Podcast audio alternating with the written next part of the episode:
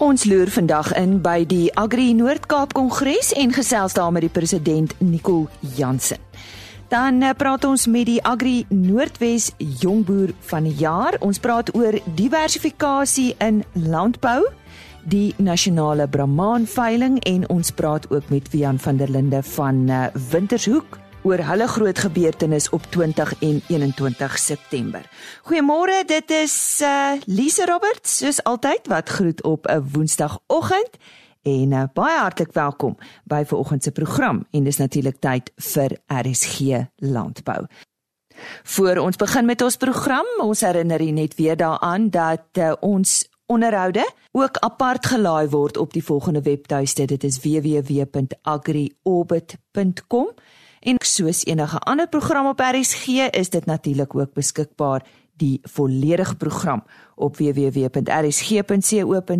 en soek net onder potgooi vir RSG landbou. Ons gaan voort en ons gesels vandag met uh, die 2019 Agri Noordwes Jongboer van die jaar. Sy naam is Dawie Rotman en uh, ja, hy's daar van die Britse omgewing, 38 jaar oud. Dawie, was jy in 'n landbouskool en het jy landbou studeer om maar daarmee te begin? Haai, ja, ek was in 'n landbouskool op Brits met die naam Wagbos. Ek het daar skool gegaan tot met standaard 8 en ja, toe het ek die skool bietjie vroeg verlaat en toe het ek plaas toe gekom om te kom boer. Vir jou, wie is 'n landbouer in Suid-Afrika vandag? Jonge landbouer is maar enige persoon wat 'n passie het en 'n liefde vir die boerdery om kos te produseer en om volhoubaar voedsel te produseer om elke dag aan almal se behoeftes te voorsien. En jy sê jy is toe terug plaas toe nadat jy op skool was. Uh so vertel ons nou 'n bietjie van die plaas. Is jy nog steeds op dieselfde plaas? Ja, ek is nou 22 jaar op die plaas. My pa het in 94 voltyds begin boer. My ma het in die 80er jare het sy deeltyds geboer toe ons so op 20 hektaar geboer. En ja, in 94 het ek pa plaas toe voltyds. Hy was 'n uh, bestuurder by Nissan op Roslyn en toe het hy maar met sy paketgeld maar nog so twee drie plotte bygekoop en ek het in 98 het ek saam met hom aangesluit op die plaas. Ek is nog voltyds uh en eintlik alleen op die die spesifieke plaas besig. En wat produseer julle Dawie? Dis hoofsaaklik groente. Ons plant so 12 groentelyne en dan plant ek koring, sojas en mielies net vir 'n wisselbou gewas om die grond en goed maar gesond te hou. En eh, wat sien jy as jou grootste uitdaging op die plaas? Jong, ons grootste uitdaging is deesdae met diefstal. Eskom met die beerdkrag. En ja, dit is maar ons grootste uitdagings. Verder vat ons maar die probleme soos dit kom. Waarop dink jy moet jy fokus om volhoubaar te wees? Jong, jy moet maar op jou grondgesondheid fokus. Grond is net een keer ges, ges, gemaak deur die liewe Vader. So ons moet hulle maar oppas, ons moet hulle gesond hou. Ons ons moet die nodige voeding en die mikrobes wat verniet vernietig is deur jare met 'n mens maar weer begin terugbring in jou grond en ja, as jy goeie gesonde grond het, het jy altyd goeie oeste. Vertel ons bietjie van jou betrokkeheid by jou gemeenskap. Jong, ek is betrokke op die kerkraad. Ek is betrokke by ons uh plaaslike laerskool. Ons is betrokke by gemeenskapsprojekte, by plakkerskampe, ouerhuise, skole, by voedingsskemas. En ja, verder uh die polisiestasies en hospitale, tronke. Ons gee maar vir die ouens almal groente op 'n uh, op 'n weeklikse basis. En uh, daarby om jy af te sluit, het jy tyd vir enigiets anders behalwe boer, enige ander belangstellings? Nee, ek het glad nie 'n behoefte aan iets anders nie. Uh boer is my passie, is my lewe. Ja, dit is maar my belangstelling wat ek het. Dit was aan Dawie Rotman, hy's vroeër in die jaar aangewys as die 2019 Agri Noordwes Jongboer van die jaar. Hy's daar van die Brits omgewing en uh, hy dring dan deur tot die finaal wanneer die Toyota Agri SA Jongboer van die jaar aangewys word en dit is dan in Oktober. Vir nuus oor 'n veiling sluit ons nou aan by Henny Maas. Ons uh, gesels met Zitse Smit en ons praat met hom oor die nasionale Brahman veiling verkope. Wanneer vind dit plaas, Zitse? En die uh, die veiling vind plaas op uh, Saterdag die 7de September ehm um, by die Afridome in Parys. En wat is julle aanbod? Ehm um, ons ons aanbod uh, verteenwoordig ongeveer 19 bulle uh, waarvan daar twee semen aandele is. Uh 28 oop Brahman verse. Dit ehm um, die groter gedeelte van die vroulike aanbod sal almal in kalf wees of met uh, kalvers aangebied word. Hoe lyk die diere oor die algemeen? Die kwaliteit van die diere is baie goed. Ehm um, ons het verteenwoordiging uit sewe provinsies van Suid-Afrika tot sover as die Oos-Kaap en ook uh, van Appington se kant af vir party van hulle eerste keer. Ehm um, rooi en wit kwaliteit soos ek vir jou gesê het, dis 'n geselekteerde aanbod van uh, stoetbulle hoofsaaklik. Uh, eh, 19 bulle waarvan daar ook dan 'n rooi en wit is. Die meerderheid aanbod van die bulle is ook wit bulle of grys bulle. Uh, maar hoogstaande kwaliteit diere wat aangebied word. Goed, net die besonderhede waar dit plaas vir die datum en 'n kontaknommer. Ehm um, die veiling vind plaas op Saterdag 7 September. Ehm um, dit sal wees by die Afridome in Parys en die kontaknommer jy kan vir my skakel Sietse Smit 0837129965. Daar sê ons sê baie dankie aan Sietse Smit wat gesels het oor die nasionale Brahman veiling. Dankie Henny. Agri Noord-Kaap het verlede week kongres gehou en ons medewerker in die Noord-Kaap, Koos de Pisani, het dit bygewoon. En soos jy weet, is die droogte in die Noord-Kaap maar bo aan elke agenda. Almal is bewus daarvan dat die boere in die Noord-Kaap gebuk gaan onder die ergste droogte ooit. Tydens sy presidentsrede op Agri Noord-Kaap se 40ste kongres was Nicol Jansen, president van Agri Noord-Kaap se boodskap kommerwekkend. Uh, ek het hom uitgevra oor die situasie. Nikkel, ons landbouers moet sorg dat kos op die tafel kom en hulle word dikwels oor die hoof gesien. Waar staan die landbou ten opsigte van die BBP uh in die Noord-Kaap en in die res van Suid-Afrika? Ja, soos ek daar aangedui het, is dat 6% van die landbou-ekonomie uh is is vir die landbou se BBP is, is Noord-Kaap voor verantwoordelik. En dit is onder druk omdat ons ehm uh, oor 70% van die provinsie die ergste droogte in 50 jaar het. So hierdie uh syfers gaan dit eers weer spieël uh, wanneer jy dit histories beoordeel. Die probleem is net uh, dat die landbouers nou daaronder ly. Uh die die rampverklaring is gedoen, maar dit bring nog nie verligting nie. Ons is ons is 'n maand na rampverklaring en ons kan nie rapporteer dat daar groot vordering in hierdie prosesse is nie omdat uh, die ratte binne die departemente eenvoudig net te stadig dry. Ja, soos jy sien, die uh, Noord-Kaap is as 'n rampgebied verklaar. Ehm um, het dit tot dusver enige verligting vir die boere gebring? Nee, dit bring nie die verligting nie omdat uh, ons nog nie by 'n posisie is uh om dan ehm um, finansiële hulp aan boere te kan beskikbaar stel vanaf staatsdepartemente nie. Ehm uh, wat dit erger maak is ehm um, ons is nou eers in 'n posisie om aansoek te doen vir hulp.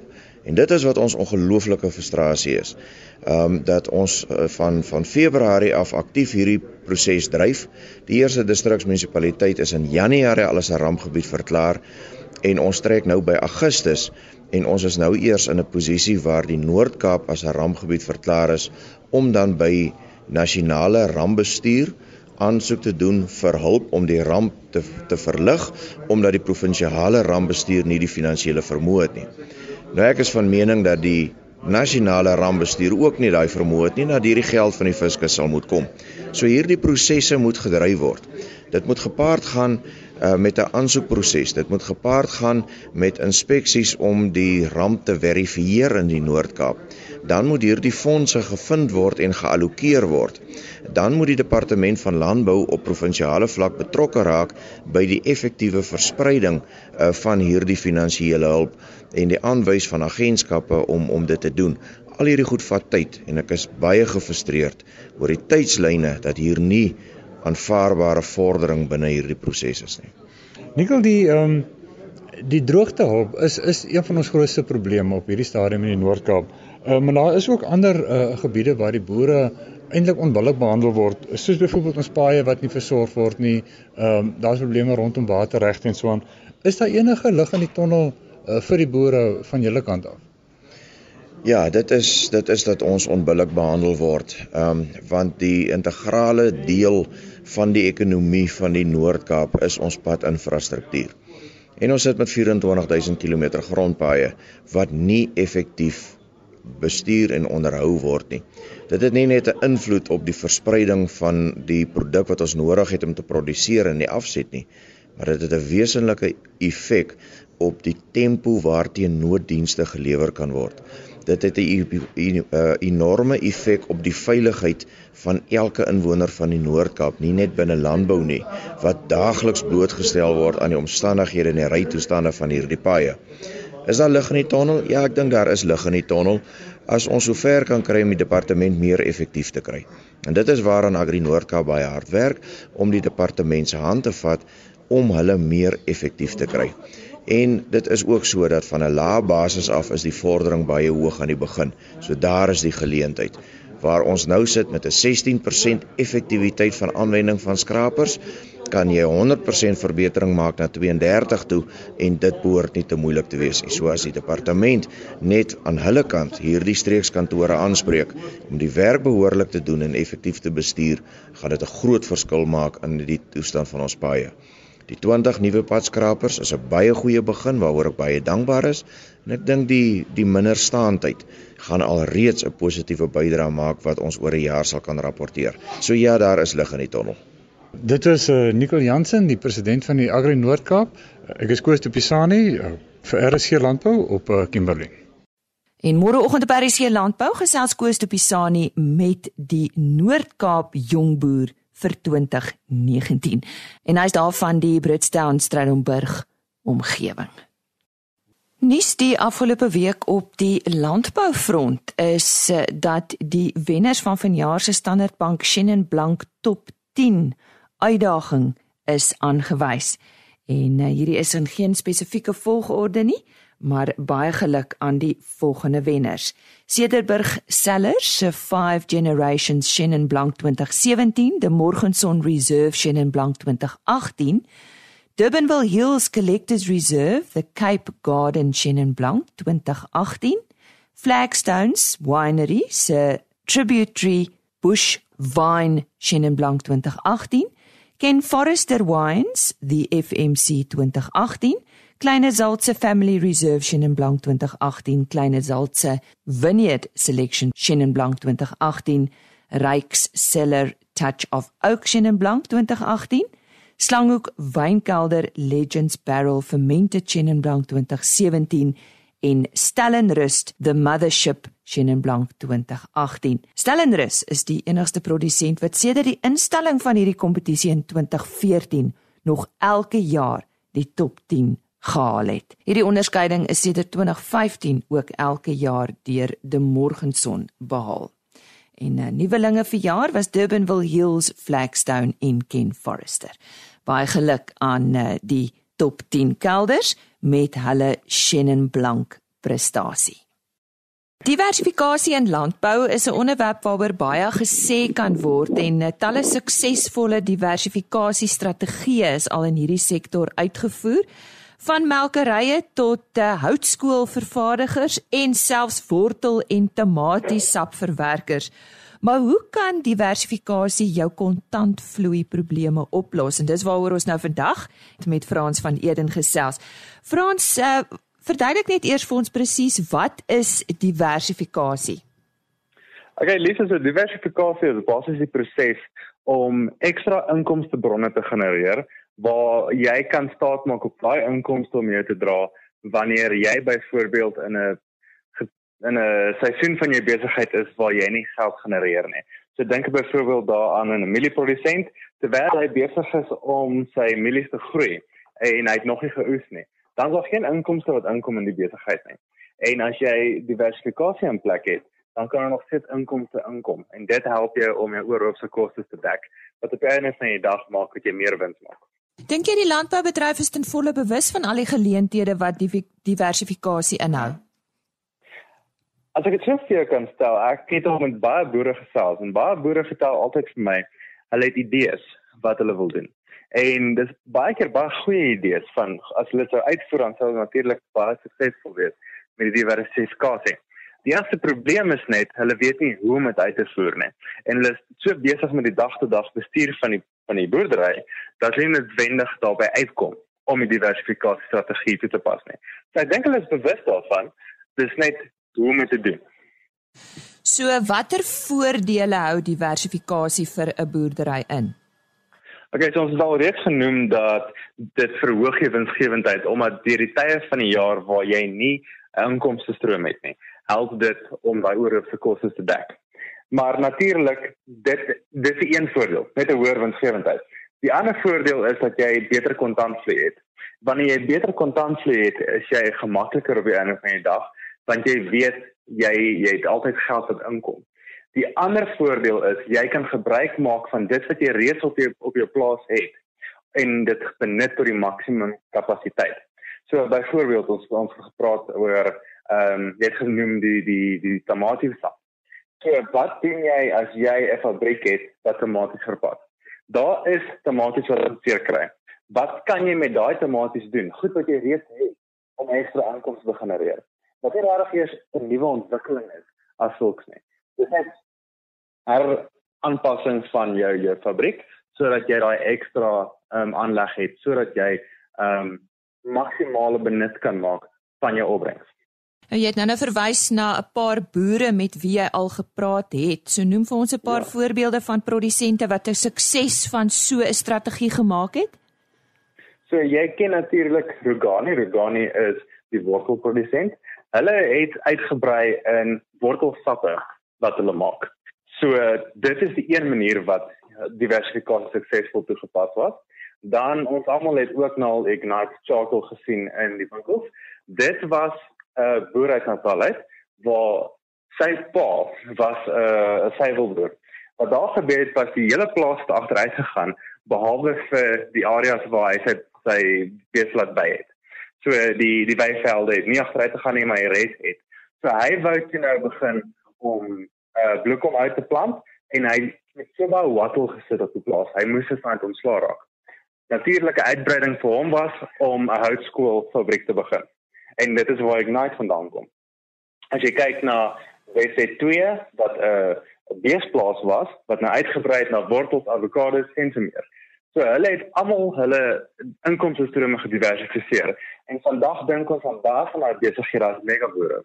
So dit is 'n uh, 'n ding wat dit moontlik vir maak wanneer jy diversifiseer, kan jy verder groei en jy kan ook dan 'n mega boer word in ons land. Nou goed, uh, Frans, dis nou nie net uh, hier gaan ons en ons gaan diversifiseer nie. So watter belangrike beginsels moet 'n gedagte gehou word as ons by diversifikasie kom? Wel, jy moet dink aan jou kapitaal uitleg vir die hele ding wat jy wil begin. So as jy byvoorbeeld 'n houtskoolfabriek wil ehm um, begin, wat gaan dit jou kos om die oonde te koop? wat gaan dit jou kos om te versprei? Is daar 'n navraag vir jou produk in die mark? As daar nie navraag is nie, hoe gaan jy die mark skep? Gaan jy uitvoer na die buitelande of gaan jy plaaslik versprei? Dis al die tipe goed wat jy in plek moet kry voordat jy begin diversifiseer. So jy moet 'n hele volle besigheidsplan reeds in plek hê. Baie van die inligting wat jy nodig het om ehm um, te diversifiseer, het baie boere al reeds oor aan gedink. Dis nou net aan van die dag pen op papier sit sodat hulle 'n geformuleerde plan het. Dan sal hulle kan agterkom waar die geleenthede is en waar daar ehm um, daar kopings is in hulle beplan. En dit sal hulle help om meer suksesvol te wees by 'n dag. Ja, dis waardevolle raad van Frans van Eden. Hy het met ons gesels vandag oor diversifikasie en hoe belangrik dit deesdae ook in Suid-Afrika vir landbou is. Ek sal onthou dat ons uh, verlede week donderdagoggend met Wian van der Linde van Wintershoek gesels het oor 'n uh, eh, belangrike 2 dae in hulle lewens en dit is 20 en 21 September. Ons gesels vandag weer verder met hom. Uh Wian, ja, kom ons praat so 'n bietjie oor daai uh, veiling van julle op die 21ste September. Enige nuwe verwikkelinge met betrekking tot die veiling uh, waarvan jy ons meer kan vertel? Goeiemôre. Môre Lise, ja, dankie. Dis lekker om terug te wees en dankie vir die voorreg en die geleentheid wat ons het. Ja, tydens ons vorige gesprek het ons het ons genoem dat die veiling om 11:00 begin soos alle veilings tradisioneel doen. Ons het egter goed gedink om dit te skuif na 10:00 toe. Dit gaan 'n besige dag wees en ons wil graag vroeër begin sodat ons die Wêreldbeker rugby openingswedstryd tussen Suid-Afrika en Nieu-Seeland almal saam kan kyk. So ja, dis nie net 11:00 nie en baie belangrik vir die mense moet moet moet, moet, sien neem dat dit geskuif na 10:00 die oggend toe. Ons sal egter elke week en amper elke dag 'n boodskap uitstuur sodat mense nie eers 11:00 dan kom nie want dan gaan hulle 'n groot gedeelte van die veiling mis. Ja, nee, so dit is belangrik onthou 10:00 en nie 11:00 nie en dit is nou op 21 September. Vianne, dit klink asof jy baie probeer inpas in daai dag. Waarna kan ons nog uitsien? Weet jy, Lise, ja, ek dink ons het ons het behalwe vir Redmond en die diere en ek dink ons on, on, ons ons sal nou na hulle te verwys, het ons ehm um, die natuurlik die rugby wat ek dink 'n hoop hoogtepunt gaan wees op die groot skerm en dan eh, beeste kraal wat vir ons lekker musiek gaan maak terwyl die stil of plant auction aangaan tot tot 6uur toe. So daar's aktiwiteite die hele dag en ek dink ons sal deurgaan en afsluit elkeen uitlik soos ons deur die gesprek gaan. Goed, en vertel ons ook bietjie meer van die diere. Soos ek gesê het, daar is ongelooflike mooi diere van al die spesies beskikbaar. Dit is 'n lekker kort en kragtige veiling, so ons het gekonsentreer op goeie genetika vir die 50 lotte wat op veiling is. Ek dink versekerde hoogtepunt is Buffalo Ranch se rooi hartebees doetlyn met die grootste rooi hartebees bil in die wêreld, Duke. Twee van sy seuns word aangebied waarvan jy een kan kies. Hulle meet reeds 24 en 2 agstes en dan is daar ook vroulike diere dragtig van Duke beskikbaar. Avian, jy het met ons vorige gesprek uh, het jy genoem dat daar uitstekende rounds uh, ook beskikbaar is. Kan jy 'n bietjie meer hiervan vertel? Ja, en vir ons luisteraars wat nie weet nie, wat is 'n round? 'n Round is eintlik 'n volksmond, dit is so kan noem 'n baster gemsbok. En ironies genoeg is glad nie 'n baster nie. Ek dink die eerste mense wat in Afrika ingekom het en dit aangeteken het, het vermoed dat dit kan dalk 'n baster tussen 'n gemsbok en 'n swartwit pens wees. Die Bastagees is egter heeltemal 'n spesies en 'n dier op sy eie. Die tweede grootste antiloop in in in in in Afrika, naas die eland. En daar is nie baie van hulle nie. Suid-Afrika het by verre die grootste populasie. En so 'n klompie jare terug was hulle baie naby aan bedreig geweest, maar te danke aan die privaat wildboere het ons hulle getalle teruggeteel en is hulle nou meer algemeen beskikbaar, maar nog steeds in seker een van die spesies van die laagste getalle om net bietjie te kyk na wat het ons aan Creek Wildlife het 'n ongelooflike Bastageesbok koei. Ehm um, met die naam van Daleen wat 24 en 5 agstes is. Sy loop tans by 'n 29 en 4 agste bil en die koper gaan 'n opsie om maar daar te laat dat loop tot sy dragtig gesertifiseer is of hy kan haar dadelik skuif. So ek dink um, met 'n koei soos hierdie wat 'n geskiedenis het van ongelooflike teeling is dit een van een van die hoogtepunte sonder twyfel. Kom ons beweeg weg van die veiling af en ons gesels so 'n bietjie oor die 20ste nou uh, vir die luisteraars wat uh, wel donderdag ingeskakel het. Hulle onthou dit ook in Wien gesels het oor hulle werker opleidingsdag en uh, dis 'n redelike nuwerige konsep by uh, by ons wildboere wat uh, uh, uh, regtig suksesvol is tot dusver. Net weer uh, so 'n bietjie iets daaroor uh, vir die wat uh, belangstel. Dit is nou op die 20ste September. Dis ja, weer eens ek dink dit is iets wat ons eintlik al die laaste 2-3 jaar oor praat en dit nou eers eintlik begin doen. Dis iets wat ek baie opgewonde oor is. Ek dink dit is belangrik dat ons moet gaan kyk na die vaardighede van ons werkers dat ons hulle moet bemagtig met met die nodige vaardighede en kennis. En daarom het ons dit goed gedink om die eerste werkersopleidingsdag te hou in die Noord-Kaap en ek wil dit baie duidelik maak dat dit is nie net vir wildboere nie, maar vir enige kommersiële boere is welkom om sy werkers te bring Hulle gaan die dag saam geniet. Daar's 3 modules waarop ons gaan konsentreer vir die begin wat brandbestryding, onkruiddoder opleiding en kettingsaag opleiding is en ehm um, en en en elkeen kry sertifikaat vir elkeen van hierdie modules. Na die tyd gaan hulle iets lekker kry om te eet en en 'n tee en binne en en en 'n pakkie om saam te vat huis toe. So ek dink dit is 'n dis 'n klein begin, maar ek dink dit is iets wat baie potensiaal het om 'n groot bydrae te lewer. Net baie belangrik, Die inskrywings is by by admin@wrsa.co.za. Ehm um, mense wat nie daar regkom nie kan met Lee skakel. Ek sal Lee se kontakbesonderhede ook weer gee. En ehm um, asseblief as hulle kan, die sluitingsdatum, ons het dit nodig vir die voorbereidings ehm um, vir die T-hemde en so meer en die sertifikate moet asseblief voor of op 6 September wees en dit beloop R200 vir die dag per werker. Ek hoop in die toekoms gaan ons ehm um, kan kan borge kry vir dit dat dat elke boer kan deel wees van die van die dag. Goed, kom ons herhaal net, dit is admin@wrsa.co.za. Dit is nou inskrywing vir die plaaswerkeropleiding is R200 per persoon en dan sluit dit reeds op die 6de September. So dit is letterlik om die draai. Net gou Lise besonderhede ook voor ons afsluit asseblief Wian.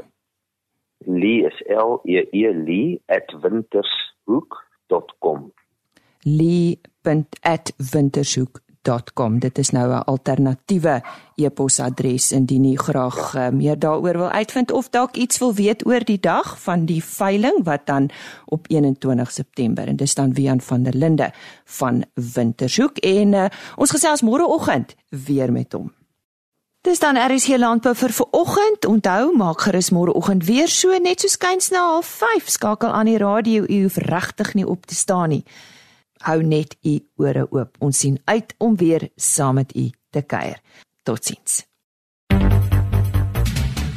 RSG Landbou is 'n produksie van Plaas Media. Produksieregisseur Henny Maas. Aanbieding Lisa Roberts. En inhoudskoördineerder Jolandi Root.